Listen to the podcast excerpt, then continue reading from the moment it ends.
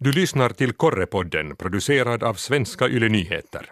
Hej, här är vi igen för andra gången och det här börjar ju bli en vana, eller hur? Inge Lindros i Stockholm, Christian Krisuvuojärvi i New York och Daniel Olin i Bryssel. Hej. Hej på er. Hej, hej. Och själv heter jag Mette Nordström och jag finns i Helsingfors. Och vi ska också den här gången tala om stora och små frågor i världen och i korrespondentjobbet. Och det som verkar väldigt stort och aktuellt nu, eller åtminstone känns det så, är ju fotboll. Till och med så mycket att jag häromdagen hörde att det är bara fotboll som folk vill höra om. Vad säger du Daniel? Det är inget fel på fotboll. Det är inget fel på fotboll. Alltså, det är nog väldigt stort. Fotbolls-EM kör igång på alldeles här i dagarna och det är en väldigt stor uh, eh, fråga, ett stort ämne, någonting som man diskuterar väldigt mycket, åtminstone här, här i Belgien. Här i Belgien har det ju varit ganska dystra veckor kan jag säga. Dels har vädret varit uselt, det har regnat en och en halv vecka i, i sträck. Då när man i Finland njöt av högsommarvärme då ösregnade det här. Det har varit strejker, protester, demonstrationer, kollektivtrafiken har varit lamslagen. Och eh, sen regnade det ännu mer och så blev det översvämningar i Belgien, de värsta på flera år. Men det är inte de här frågorna som har bekymrat belgarna utan det är nog ifall fotbollslaget kan hålla tätt för det är ett stort problem nu här i Belgien hur det ska gå när Belgiens kapten Vincent Kompani är skadad. Det är ett landslag som alla i Belgien gillar och det här är någonting som förenar belgarna. Vi vet ju alla att, att Belgien är ett väldigt splittrat land mellan de holländsktalande Flandern och med fransktalande Vallonien. Men alla gillar fotbollslandslaget och dessutom har Belgien en gyllene generation på gång och, och har spelat väldigt bra i EM-kvalet och är nu rankat som eh, nummer ett i Europa och kanske lite av en favorit också att åtminstone gå ganska långt i EM-turneringen. Så det är nog väldigt stort nu just nu den här diskussionen hur det ska gå för landslaget. Ja, Ingemo, hur går fotbollssnacket i Sverige? Jag antar att det speciellt är en fotbollsspelare som det susas om där. Ja, det har faktiskt varit Zlatan-feber här tycker jag ända sedan jag kom hit för snart två år sedan och antagligen har det hållit på ganska många år före det och kanske med ännu högre temperatur de här senaste månaderna, veckorna eftersom det har spekulerats så himla mycket om Zlatans kommande klubbbyte. Och sen är det ju hela det här med EM och Sverige som inte ser ut att ha så jättebra chanser men, men Zlatan ska kanske kunna rädda Sverige till åttondelsfinal eller någonting i den stilen. Men jag har tänkt mycket på det här att hur otroligt eh, mycket fokus det är på en spelare trots att han är den store och så kan jag lite som lekman tycka ibland lite synd om de här andra spelarna i landslaget som inte alls får lika mycket uppmärksamhet. Eh, och sen å andra sidan så har han ju jättestor betydelse för en massa småkillar som, som har vuxit upp med den här fotbollsikonen här och för en massa invandrarkillar och, och andra så att Sverige skulle ju annars vara ett helt annat fotbollsland. Det som jag sen tyckte att kanske gick lite här till överdrift var eh, inför EM-kvalmatchen mot Danmark tidigare i år då Aftonbladet eh, på alla sina sportsidor eh, skrev alla rubriker med Z. Ifall det fanns ett S så bytte man ut det till ett, ett Z för, från Zlatan för att hylla då den store kungen och så vidare. Och, och det här är ju en, en helt egen värld. Jag vet inte, Chris, du har kanske bättre koll på det här som har bevakat som sportreporter mycket mera den här typen av fenomen. Ja, jag är inte överraskad över de här rubrikerna som Aftonbladet kör med. Det känns i och för sig lite tröttsamt nu med det här äh, Z för att det har ju använts så många gånger. Men, men ja, äh, jag själv så, som en före detta sportreporter så det har ju varit en ynnest att få bo i USA och följa med de här grenarna som är stora i USA, ska vi kalla det, nu i rätt tidszon och, och, det är första gången jag kunnat följa med de stora amerikanska ligorna, NFL, NBA och NHL. Uh, eh, och inte på det sättet att man är tvungen att stiga upp klockan tre på natten och det är ganska skönt. Uh, dessutom så flyttar NHL-laget New York Islanders till mina hemknutar till den här säsongen så det har nog varit en, ett privilegium att kunna gå på matcher på kort varsel, var bara att gå en kilometer till hallen. Biljetterna är dessutom billiga, man får bra, bra platser för sig 15 till 20 dollar. Men, men vi har talat om fotboll och, och då den europeiska varianten ska jag väl påpeka i sammanhanget. Så jag är faktiskt övertygad om att fotbollen kommer att bli jättestor också i USA. Jag var för några veckor sedan på lokalderby mellan lokala New York City FC och New York Red Bulls. Tiotusentals folk på läktarna, stämningen fantastisk. Så mitt jag vet inte ens om det här är ett vågat tips, är att om 10-20 år så har fotbollen redan passerat ishockeyn i popularitet i, i USA. Och, och på tal om fotbolls-EM så sänds matcherna också här i USA och bra så. Och då måste jag passa på också att gratulera Daniel. Du blev nyss premierad av svenska YLE för årets insats och hela Korrepods-panelen vill gratulera dig. Men berätta, eh, hur firar du det här? Jag får väl först tacka, det var jättefint att få det här priset, men det kan bli lite tjatigt för jag firade faktiskt på en fotbollsmatch, om jag, jag ska vara riktigt ärlig, i, i, publik, i publiken. Wow. Eh, den, eh, den dagen, den kvällen när det här eh, priset offentliggjordes så spelade Belgiens fotbollslandslag en träningsmatch mot Finlands fotbollslandslag här i Bryssel och jag var tillsammans med min sjuåriga son och följde med den här matchen och förhandssnacket gick så att Belgien skulle vi tar en stor seger, vinna med flera mål och tidningarna skrev här att det kommer att bli, gör åtminstone fyra eller fem mål Belgien och bra om Finland kan ju anfalla, få ett anfall till stånd.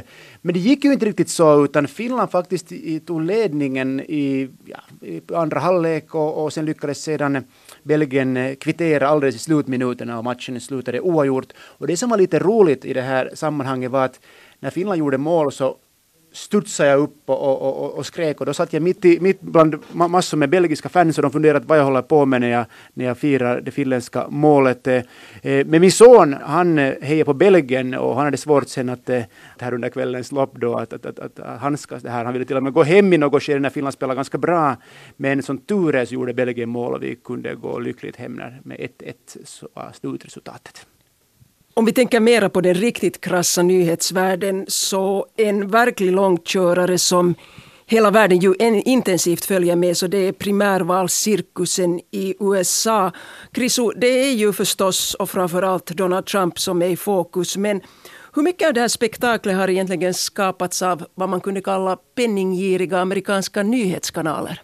Mm, bra fråga. Media får absolut bära en del av skulden eller alternativt då ta åt sig en del av äran för, för Donald Trumps framfart. Man har redan hunnit forska i den här saken och, och den mängd gratis reklam, det vill säga till exempel TV-tid som ofta är dessutom ganska ofiltrerad som Donald Trump har fått, den är hisnande. Redan i medel av mars så, så kom man fram till att Donald Trump har fått dylik, ska vi kalla det gratis reklam till ett värde på två miljarder dollar. Två miljarder dollar. Det är tre gånger mer än, än, än vad Hillary Clinton hade fått vid det skedet, hon var tvåa på listan. Men, men samtidigt äh, så vill jag väl säga att, att innan vi börjar vifta med pekfingret allt för mycket så ska vi väl komma ihåg att mediebolagen är företag som ska generera vinst. Och faktum är att Donald Trump säljer. Titta siffrorna för till exempel CNN, MSNBC och Fox News. De har varit skyhöga hela året och till stor del på grund av, tack vare Donald Trump och höga tittarsiffror betyder större reklamintäkter. Och, och man må ha vilken åsikt som helst om Trump, men åtminstone så, så bör man väl medge att han har varit jätteskicklig på att utnyttja media. Han har varit tillgänglig för intervjuer på, på kort varsel och på ett helt annat sätt än till exempel Hillary Clinton som knappt ens arrangerar presskonferenser. Och Trumps ofta kontroversiella uttalanden är ju ett jättetacksamt byte för, för de här nyhetskanalerna att analysera i timme efter timme efter timme. Så han äger ofta nyhetstimmarna från, från morgon till kväll. Så svaret på din fråga är att visst, eh, penninghiriga nyhetskanaler är definitivt en delorsak till, att, till fenomenet Donald Trump kan man väl kalla det. Och populistiska fenomen känner vi ju igen också i Europa. Men när vi talar om till exempel USA så talar vi ofta om ett allt mer polariserat land och det är också bekant eh, från Europa. Till exempel Belgien är ju ett mycket splittrat land och har varit det väldigt länge. Daniel, men hur känner man av dig i den belgiska vardagen?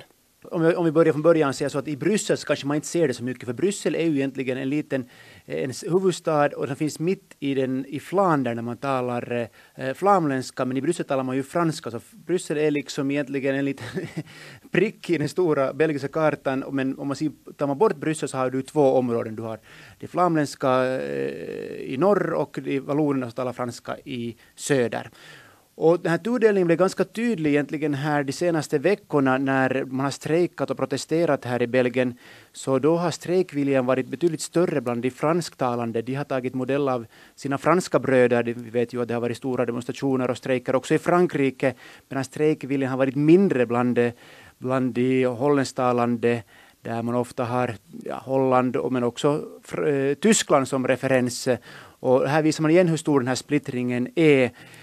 I övrigt så kan man säga att eh, Belgien har varit rätt så lamslaget de senaste veckorna. Åtminstone eh, de som pendlar till Bryssel eller till andra städer har haft stora problem eftersom kollektivtrafiken, tågtrafiken inte har fungerat. Eh, själv har jag märkt det så att, eh, att till exempel sophanteringen har inte fungerat eftersom sopbolagen har strejkat eh, och två gånger i veckan för man ut sin soppåse här i, här i Belgien, lämnar den ute på gatan och och våra vita påsar stod där nog i flera dagar och luktade väldigt mycket och det luktade i hela Bryssel när, när soppåsar står i flera dagar. Eh, det som är intressant med de här strejkerna och demonstrationerna de senaste veckan är att det, den mest utdragna strejken har ägt rum i de belgiska fängelserna. Fängelsevakterna de har strejkat nu i över fem veckor. Och det har lett till det att, att regeringen har kallat in armén för att övervaka de tyngsta fängelserna i, i Belgien. Men sen har man också varit tvungen att ge semester eller permission till upp till 200 fångar för man har helt enkelt inte haft eh, möjlighet att, att, att att, att, att, att sköta det här som det borde skötas enligt alla avtal och de har, har många fångar varit inlåsta i flera, flera veckor och inte haft möjlighet att gå ut på gården och så vidare. Så ja, 200-300 fångar har gått omkring här bland eh, många av dem, ja kanske inte direkt de farligaste fångarna men att de har åtminstone fått semester på grund av de här, de här utdragna demonstrationerna. Så, så visst har det fått all möjliga äh, märkliga uttryck de här senaste veckornas demonstrationer här i Belgien. Och när nyheterna ofta präglas just av det här motsättningar och polarisering och splittring så Ingemo, jag antar att du har lite mera eller en bättre bild att ge för tillfället av Sverige. Du besökte nyss norra Sverige och där verkar det som om man istället skulle hålla på med gränsöverskridande verksamhet. Berätta om dina erfarenheter där.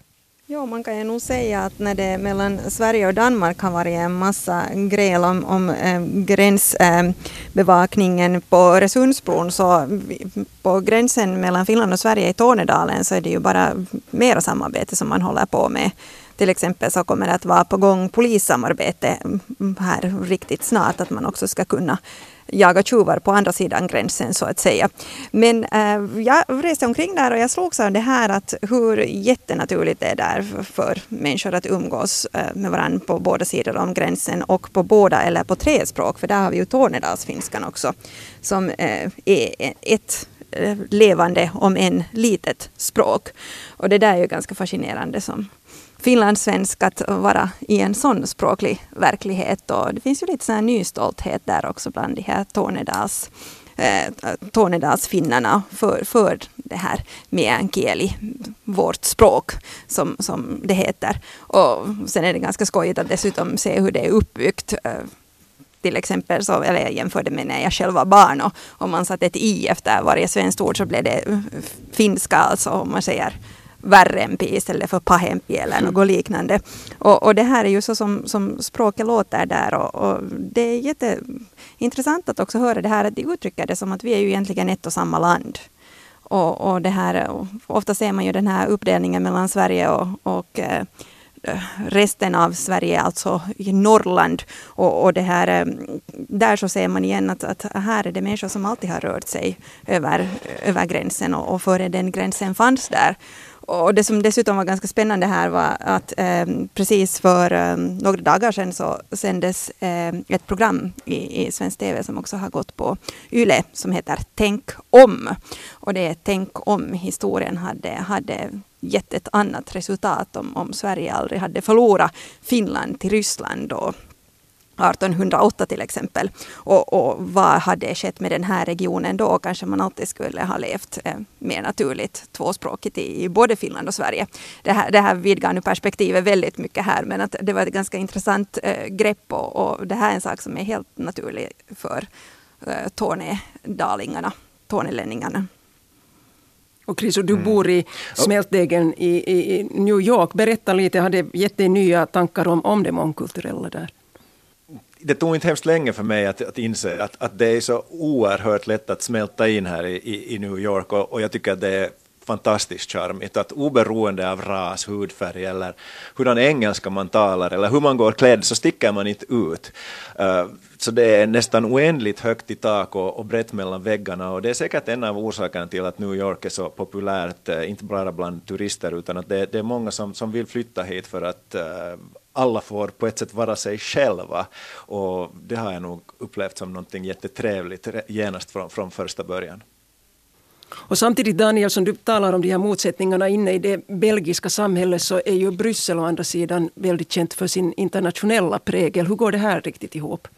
Mm, ja, Bryssel är ju en lite märklig, märklig stad men samtidigt kan jag säga att, att mycket av det som Chriso sa om New York så stämmer nog också eh, för Bryssels del, för att eh, Bryssel är också en smältdegel med väldigt, väldigt många nationaliteter, med människor från hela, hela Europa, men också från, från egentligen hela världen och en väldigt tolerant stad eh, som, som du hittar egentligen olika kulturer, det finns olika kvarter med lite samma som i New York, men förstås i en betydligt mindre, mindre skala. Sen är ju inte förstås Bryssel lika sexig och stad som, som New York, men att det där, men, men nog i europeiskt mått så, så, kan, det nog, eh, kan, man lite, kan man till och med tala om att, att Bryssel är något av, av Europas New York. Jag måste bara säga här hastigt, det här är ett väldigt, väldigt häftigt åskoväder som drar över Bryssel nu. nu. Det dundar och brak och det blixtrar och det, det slår härliga till.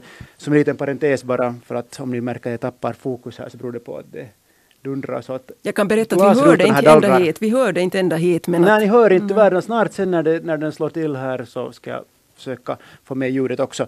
Men, eh, men Bryssel, eh, jo, eh, Bryssel är ju nog liksom rätt så, det, det som jag var inne på här tidigare, att, att om det finns en stor splittring mellan, mellan Flandern och Vallonien så finns ju Bryssel där mitt i och där finns ju väldigt många människor som, som, som har flyttat hit, liksom jag, på grund av jobbet eller jobbar inom EU och kanske inte riktigt känner sig som, som belgare utan som Brysselbor.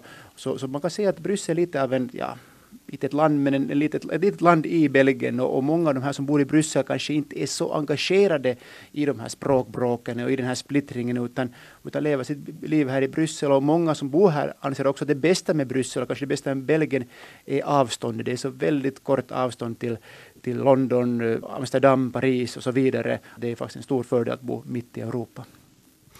Du lyssnar alltså till Korrepodden tillsammans med Ingemo Lindros, vår korrespondent i Stockholm, Daniel Olin som är vår man i Bryssel och Krisu Vuojärvi som är vår korre i New York. Jag heter Mette Nordström och här i Finland så känner vi ju i allra högsta grad av lågkonjunkturen medan man i Sverige börjar tala om en högkonjunktur. Ingemo, är det konsumtionsfest nu för hela slanten där? Det är det och jag tycker att det har varit det redan faktiskt ett bra tag. Det som är intressant är att eh, det är liksom någon slags allmän utgångspunkt, speciellt om man ser på mediebevakningen, att, att alla ska ha råd att konsumera och att man eh, ska ha råd att köpa lägenhet och, och att man då ska förhandla på bästa sätt om bolåneräntor och snabbt passa på så länge det är amorteringsfria lån och allt möjligt. Och eh, dessutom talas det mycket om hur man ska utnyttja hushållsavdraget som är ganska frikostigt här och, och sånt. Men att det som det inte talas speciellt mycket om är eh, hur det är då för de som inte har det här spelrummet i, i sin privatekonomi där det kanske inte är tal om att använda något hushållsavdrag för att få lägre skatt och så här. Och här kan jag nog se en skillnad till Finland och också Finland före eh, lågkonjunkturen. Att man kanske alltid har talat mer om också de som, som inte har en så bra ekonomi och kanske speciellt i förhållande till barnfamiljer som jag eh, jämför mycket med hur, hur det är här och, och i Finland. Uh, här, här, har jag inte sett uh, artiklar eller liknande om till exempel hur det är för familjer som inte har råd att åka på semester eller om barnkalas som blir allt dyrare och hobbyer som man kanske inte har råd med. Och så här. Och det här tycker jag ändå att man uppmärksammar ganska väl i, i Finland. Så att det här tycker jag är en viss skillnad. Det är liksom, eh, högkonjunktur både liksom på det konkreta och det andliga planet på något sätt. Ja, ekonomin är ju ett populärt ämne också i USA, var helst i världen kan man väl säga. Men, men Chris, känner du till, kan du dra några paralleller till USA när det gäller just det här att till exempel hur medelklassen har det i New York, klarar man sig i New York? Jag ska väl först säga det att jag lever kanske lite i en bubbla här i, i Park Slope i Brooklyn som i snitt har ganska många invånare från den övre medelklassen. Så, så jag och min fru vi känner oss som, som värsta fattiglapparna då och då. Så det vad jag reagerar främst på så där ur nära, nära håll här i Park Slope är att folk jobbar så fruktansvärt långa dagar, 12 timmar per dag är regel snarare än undantag. Och semestrarna i snitt max en vecka. Så de, de långa semestrar som vi har i Finland är kanske något vi, vi ska vara tacksamma över. Men, men som du säger, statistiken visar att medelklassen och arbetarklassen krymper i USA. De rika blir rikare och de som har det kämpigt får det allt kämpigare. Den amerikanska drömmen, the American dream, det vill säga vad ska jag kalla det, den klassresan uppåt helt enkelt. Så den börjar kännas allt mer omöjlig för många amerikaner och det är garanterat en av orsakerna till att vi fått uppleva den cirkus, det så häpnadsväckande primärvalet vi fått uppleva. Det, det, är många amerikanska väljare som är arga, de är bittra, de är frustrerade och de vill se en förändring och, och det har Donald Trump varit bra på att snappa upp upp och också Bernie Sanders och de senaste ekonomiska siffrorna som publicerades här i, i veckan så visar att eh, det till och med som så att det finns en risk att USA är på väg in i en, en recession nu så att, så att få se hur det här påverkar USA i, i den närmaste framtiden när, när, när du Chris talar om Park Slope och, och, den höga medelklassen och långa dagar. Jag ser också likheter med, med Bryssel här igen. Många, speciellt de som jobbar för, de, för EU-institutionerna, de lever lite kan man säga i en, i en bubbla. De har rätt så bra löner här, eh, de betalar väldigt lite skatt eh, och de har gratis eh, skolgång för sina barn och de jobbar också väldigt långa dagar men de lever samtidigt nog i en liten Brysselbubbla här och många av dem har rätt så bra men, men det som, som, som man också gör här i Bryssel, att man jobbar väldigt långa dagar, det, det som man i USA också, det, det är ofta, ofta ser man ännu sent på kvällen hur, hur lamporna lyser i de olika EU-byggnaderna.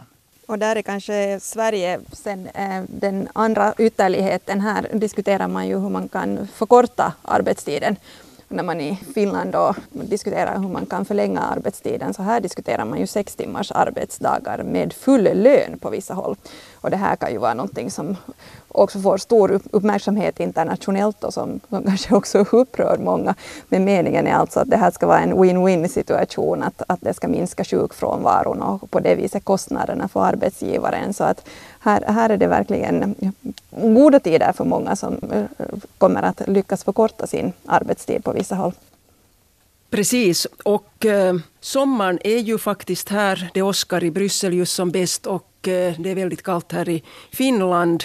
Men trots allt så borde semestertiderna hägra. Vi brukar tala om nyhetstorka under sommaren men jag vet också att eh, det kanske inte riktigt gäller för er här framöver. Daniel, jag tror att, att det är en fortsättning på årets insats, eller hur för dig? Jag tänkte säga att det, det, är lite av lugnet före stormen här i Bryssel, nu drar faktiskt ett åskoväder över, så kanske när stormen har, har inletts redan, vem vet. Men jo, tillbaka till, till den här sommaren så, så kommer det nog bli väldigt häftig. Väldigt många frågor på agendan. Framförallt folkomröstningen i Storbritannien 23 juni. Det är den stora frågan för oss. Kommer britterna att lämna EU? Vad, vilka konsekvenser får det? Och, och det här är förstås en enorm fråga. Inte bara för, för britterna utan för hela EU men också för Europa. En annan fråga som man diskuterar väldigt mycket här är flyktingsituationen, flyktingkrisen. Vi vet att flyktingströmmarna över Medelhavet till Italien har ökat. Väldigt många människor har drunknat de senaste veckorna. Det här är något som man får ta itu med under sommaren. Förhoppningsvis också Turkiet avtal, visumfrågan till Turkiet ska ännu behandlas före EU-ledarna går på semester. Så det finns väldigt, väldigt många frågor som, som ännu ska diskuteras och det finns väldigt många sådana frågor där det ännu kan uppstå problem, där det kan bli utdragna möten, nya möten och det håller nog på ända till ja, mitten av juli, slutet av juli före, före det blir lugnt här i Bryssel. Dessutom har ju också NATO ett toppmöte i medlet av juli där också EU-ledarna tillsammans med Barack Obama ska diskutera transatlantiska relationer och så vidare. Så, så det är mycket på agendan i sommartorkan som inte finns här i den här delen av Europa. Och för dig, Krisu, så är valcirkusen långt ifrån över. Eh, det är flera spännande möten på kommande nu i juli, inte sant? Eh, det stämmer bra det blir semester för, för mig först i augusti för eh, det stora är väl att primärvalscirkusen den kulminerar i, i slutet av juli så att lite av, av lugnet före stormen just nu men, men i slutet av juli så har både Demokraterna och Republikanerna partikonvent. Först ut är Republikanerna i Cleveland och sen är det dags för Demokraterna och de samlas i, i Philadelphia. Partikonventen har de senaste årtiondena fungerat som, vad ska jag klämma till med, någon slags överlång lovsång för, för partiets presidentkandidat, men i år finns det faktiskt chans att det blir väldigt mycket mer underhållande än på länge. Donald Trump han är ju kontroversiell på många sätt och, och man får se hur partifolket reagerar på, på honom under dagarna fyra i Cleveland. Och sen är då som, som eh, väldigt väl dokumenterat Bernie Sanders anhängare ganska skeptiska till Hillary Clinton. De kommer inte att rätta sig så där bara in i leden. Så det kommer att bli, och åtminstone kan det bli, hur spännande som helst under de två sista veckorna i juli. Och Ingemo, den politiska debatten kommer att uh, gå hög i Sverige också under sommaren. Ja, här i äh, månadsskiftet juni-juli så är det igen dags för Almedalsveckan som ju är den här hypade politikerveckan på Gotland som ordnas varje år. Jag tycker det är ganska spännande med hela det här konceptet. Det blir ju mitt i sommaren livliga politiska diskussioner och, och, det är ganska bra den tiden på året då det, inte annars, då det annars är väldigt lugnt här. Eh, och dessutom är det en, en ganska fin tanke, en, en liksom verkligen demokratifest att varje partiledare håller ett tal och det analyseras in i minsta detalj ända från det börjar på morgonen i alla tv-studior och eh, på, i alla nätsändningar och så vidare. håller på hela dagen och så hålls talet och sen är det efteranalys och det håller på minst lika länge. Och det här är ju ganska härligt och speciellt om man jämför med finländska politiker som inte alls har samma talförmåga. Och alltid så är det här ju verkligen någonting som man kunde lära sig av och, och verkligen en retorikskola på det sättet. Men eh, sen är det ju ganska absurt att hur enormt stort det här har blivit. Det är över 2000 evenemang på bara en vecka i lilla Visby och alla hotell är överbokade redan flera år på förhand och de tar tredubbelt höga priser och det här är också en, en bubbla och, och, jag vet inte hur mycket det för samhället framåt. Eh, väldigt mycket människor är det i alla fall på väldigt liten yta och hemskt intensivt och jag har undrat om om det var det som Olof Palme i tiden alls hade tänkt med det här. Det var ju han som inledde hela veckan med att stå på ett lastbilsflak i Visby och hålla ett tal. Det är därifrån Almedalen. Eh, och hela det konceptet en gång startade och det har nog fått helt andra proportioner sedan de tiderna. Och nu tror jag att vi hör ganska hör mycket av det där regnet. Nu hör vi definitivt. Det är det nu som... hör ni, här kommer hagel och här kommer, jag vet inte vad det kommer men att det är något märkliga saker som regnar ner i Bryssel just nu och det blixtrar och dundrar men att, eh, och smattrar. Vi hörde definitivt så, glad så mycket bra. Glad sommar. Ja, jag kan bara berätta från New York att det är strålande solsken och det är 28 grader varmt just nu. Real feel dessutom rejält över 30 så att det är lite väl mycket i min smak. Vi får alltså se fram emot en nyhetsrik sommar och avslutar Korrepodden med det här haglet och den här regnsmattret från Bryssel och säger hej för den här gången och hej till nästa gång.